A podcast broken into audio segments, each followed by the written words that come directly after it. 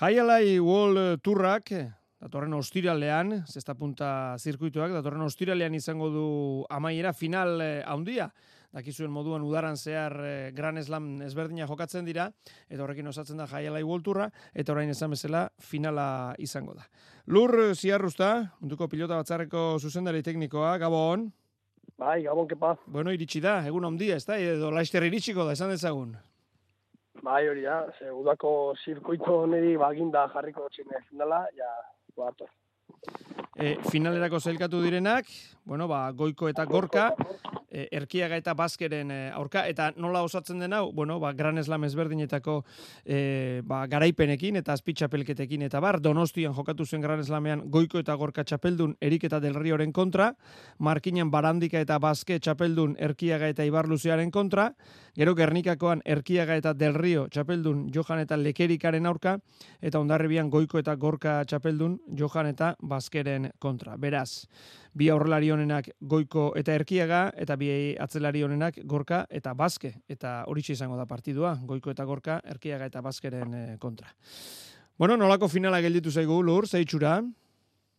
Ba, molan, kanpotik ikusit eta ni gu oso posik, eh, finalea zaikatu inakaz, azkenean, eh, bueno, azteko eta garantzena, ba, akigu aurten goiko retiretan dela, eta bueno, hau izango da jaialai World barruen goiko jolastu gara azken partidue, azken finala eta bagien azken txapela du bai. Gero bera gaze aritxerkiaga, gaur egongo onena izin aldala, esan doa dugu. Eta atzetik ba bi gazte, bi gazte, zirkuitura bazke lehena osatu zen, baina zirkuituan haurin leku egin da aurten, eta emaitza oso honakaz e, bi bikotek badute, bueno, berezitasun ezberdin bat, ezaugarri ezberdin bat, alegia goiko eta gorkak e, bina gran eslam irabazi dituzte, eta biak elkarrekin donostian eta eta ondarbian alegia bikote osatuko dute finalean, eta bi gran eslametan ere irabaziz gainera ala osatu dute.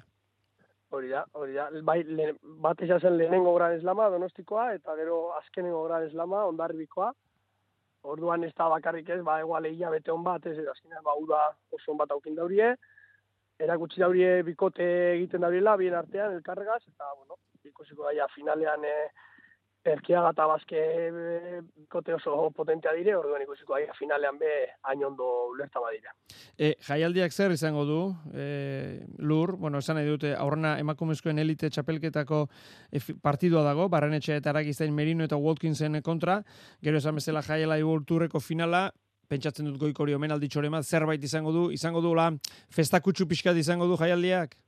Hori, e, bai, gainera, ez, ba, eko Bilboko deportibo frontoi hori, Bilbo erdi erdien oso ondo kokatute, zaiegetako eta metroa gazbertara, eta zaiatuko gara gu alik eta jende gehien erbaten, eta festa bat momentan Bilbo. Zazpiter dietan, ostiralean, zazpiter dietan. Hori, zazpiter hasiko da, ez da urtean zehar partido goien deko zen frontoia, baina, bueno, zehatu gure dugu bai bilbori indar hori ematen, eta guztu dugu erantzun hona okungo da Bueno, gogoratu, gure entzuletako bi, bertan izango direla, ba, bizarrera sosketatzen ari garelako gaur, hain zuzen ere munduko pilota batzarrari esker, beraz, eskerrak eman berdizkio lurri. E, finala da, hau, esan bezala udara luze baten e, ondoren datorren e, finala, Zer eman du finalak? Antolatzen dituzue Gran Eslamak, Master Seriesak, eh, nola, nola labur pilduko zenigu, eze balora zigingo zenigu lur, udarak jai alai volturrean izan duen e, bilakaerari buruz? Bueno, ba, batez be, jai volturrek aurreko urtean, emozan salto handi, ez? Aurreko urtean zesta puntak ez jalerrien inarran bi hartu zauen, frontoiak bete ziren, eta urtengo aizin dapore jarraipen bat, ikusteko esala aurreko urtekoa gauza puntual bat, ez? Zine jarraipena, erantzun nona hartu dugu, eta oso posik ez da gartuaren indar horregaz. Pero dugu atozen urteetan be indartu zei duteak, eta bari, ba, barikuko finala izango da, aurtengoari, aurtengo zirkuitori amai iramongo dotzen e, festa bat. Udaran pelota zaleak, zesta punta zaleak, nola erantzun du? Ondo, ondo, zesta punta azkenean, ez, ba, moda kontu betizit nahi bai, eta zesta punta gaur egun moda horretan sartu de, oinai arte beti eskure, eskure hau dago indar gehiago, baina esaneko aurreko azken bi urteetan indar handi hartu dauz eta ikusleak erantzuten daurie. Udan, udan be askotan igual arazo hori ziren da, ez? Ba, jentea kanpoan, baina hemen eh, frontoietan mugidu da jentea, eta gu oso posik. E, zeuk esan duzu, modan dago, nola egin, moda egonkortzeko, e, moda ez izateko joan etorrikoa?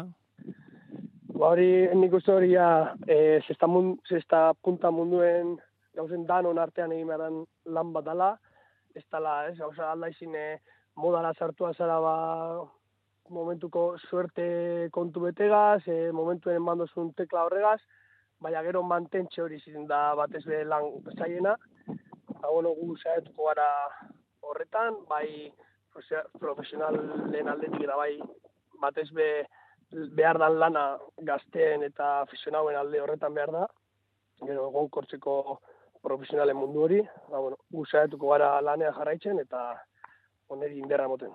Eta nola dago, nola dago lur eh, zubi hori, afizionatuetatik profesionaltara, bueno, aipatu dugu esaterako, bueno, ba, finala adibidetzat hartuz e, goiko, izarra handi bat, e, badoa, e, erkiaga momentuko izarra, eta atzean zeuk esan duzu, bi gazte, hau behar da, ezta? E, belaunaldi aldaketa hauek behar dira, nola dago zubi hori? Hori da, zubi hori behar da, eta gu, gu zaiatzen gara bai, ba, federazioa zelkar lanean, azkenean gaztei, emoten, ba, holango sariek, ba, e, ba, zauten, ba, elite txapelketa jokatu irabai zaurinak mutiletan, ba, okindari aukera gran eslametako balea sartzeko, edo gernikan egin da moduen, ba, e, aurretik e, beste batzuk txapelketa bat inta zari hori emon profesionaletarako salto hori emateko. Holango gauzak azkenean gazten txat incentiboa dire, eta hola motiba behar dire gazteak. Ze bestela, iztema dugu dana, sepa eta maduz guztiz, bazkenean gaztea bestekin motivazio hori, eta eta bideo hori galtzen da. e, atera dezagun, ez ez punta profesionalaren eh, argazki orokorra lur, e, bueno, estatu batuetatik etxera bueltatu zen, e, iaz ez punta osoa, etxera bueltatu zen, badago zerbait oraindik estatu batuetan, baina, bueno, esan dezagun etxera bueltatu zen zesta punta, eta, bueno, ba, pare bat urtean edo, e, kanpotik ikusten dena da, batetik, bueno, ba, gran eslam hau dago, ez da, udaran, gero udaran daude, e, bestelako, ba, iparraldean, e, paben, e, badaude, ba, ba, betiko torneoak, txapelketak eta bar, jaialai liga osatu da, e, oiek eta eta Winter Series Gernikako neguko orain jokoan dagoen txapelketaren artean, nola dago ustarketa hori, jaialai liga, jaialai volturra, udara, negua, zuk nola ikusten duzu honetan egoera? Ba, da, txapelketa gehienak, ba, udako parte horretan izten dire, eta pelotariek, e, ba, danak egon dire partidu askoaz, eta, ba, bueno, nik uste txapelketa guzti horrik kalendarioan batu eta bata bestean ganean ipini beharrean, ez dira, ez dira asko bez. Orduen, nik uste landu aldala hori, bakotxa bere lekue haukin diela, bakotxa bere leku emon, eta ero ba, negu partean, beti ba, kirolarik eskerta ere moduen deskantxo bat emon, pare bat eta haukin, saiatu ba, amarre bat hilabeteko denboraldi oso bat aukiten, bai aficionau, bai profesional, eta danak, eh, danari leku inde. Eta galdetu behar dizut baita ere, bueno, esan dugu, e, badagoela, emakumezkoen e, ba, partida bat, e, jaialdi horretan, emakumezkoen egoera zein da, une honetan, e, bai kopuruz, bai kantitatez, bai kalitatez, e, nola dago, e, ametxe egin daiteke, naiz txikiago izan antzeko zirkuito txoren batekin, edo oraindik e, horretara iristeko urratsak eman behar dira?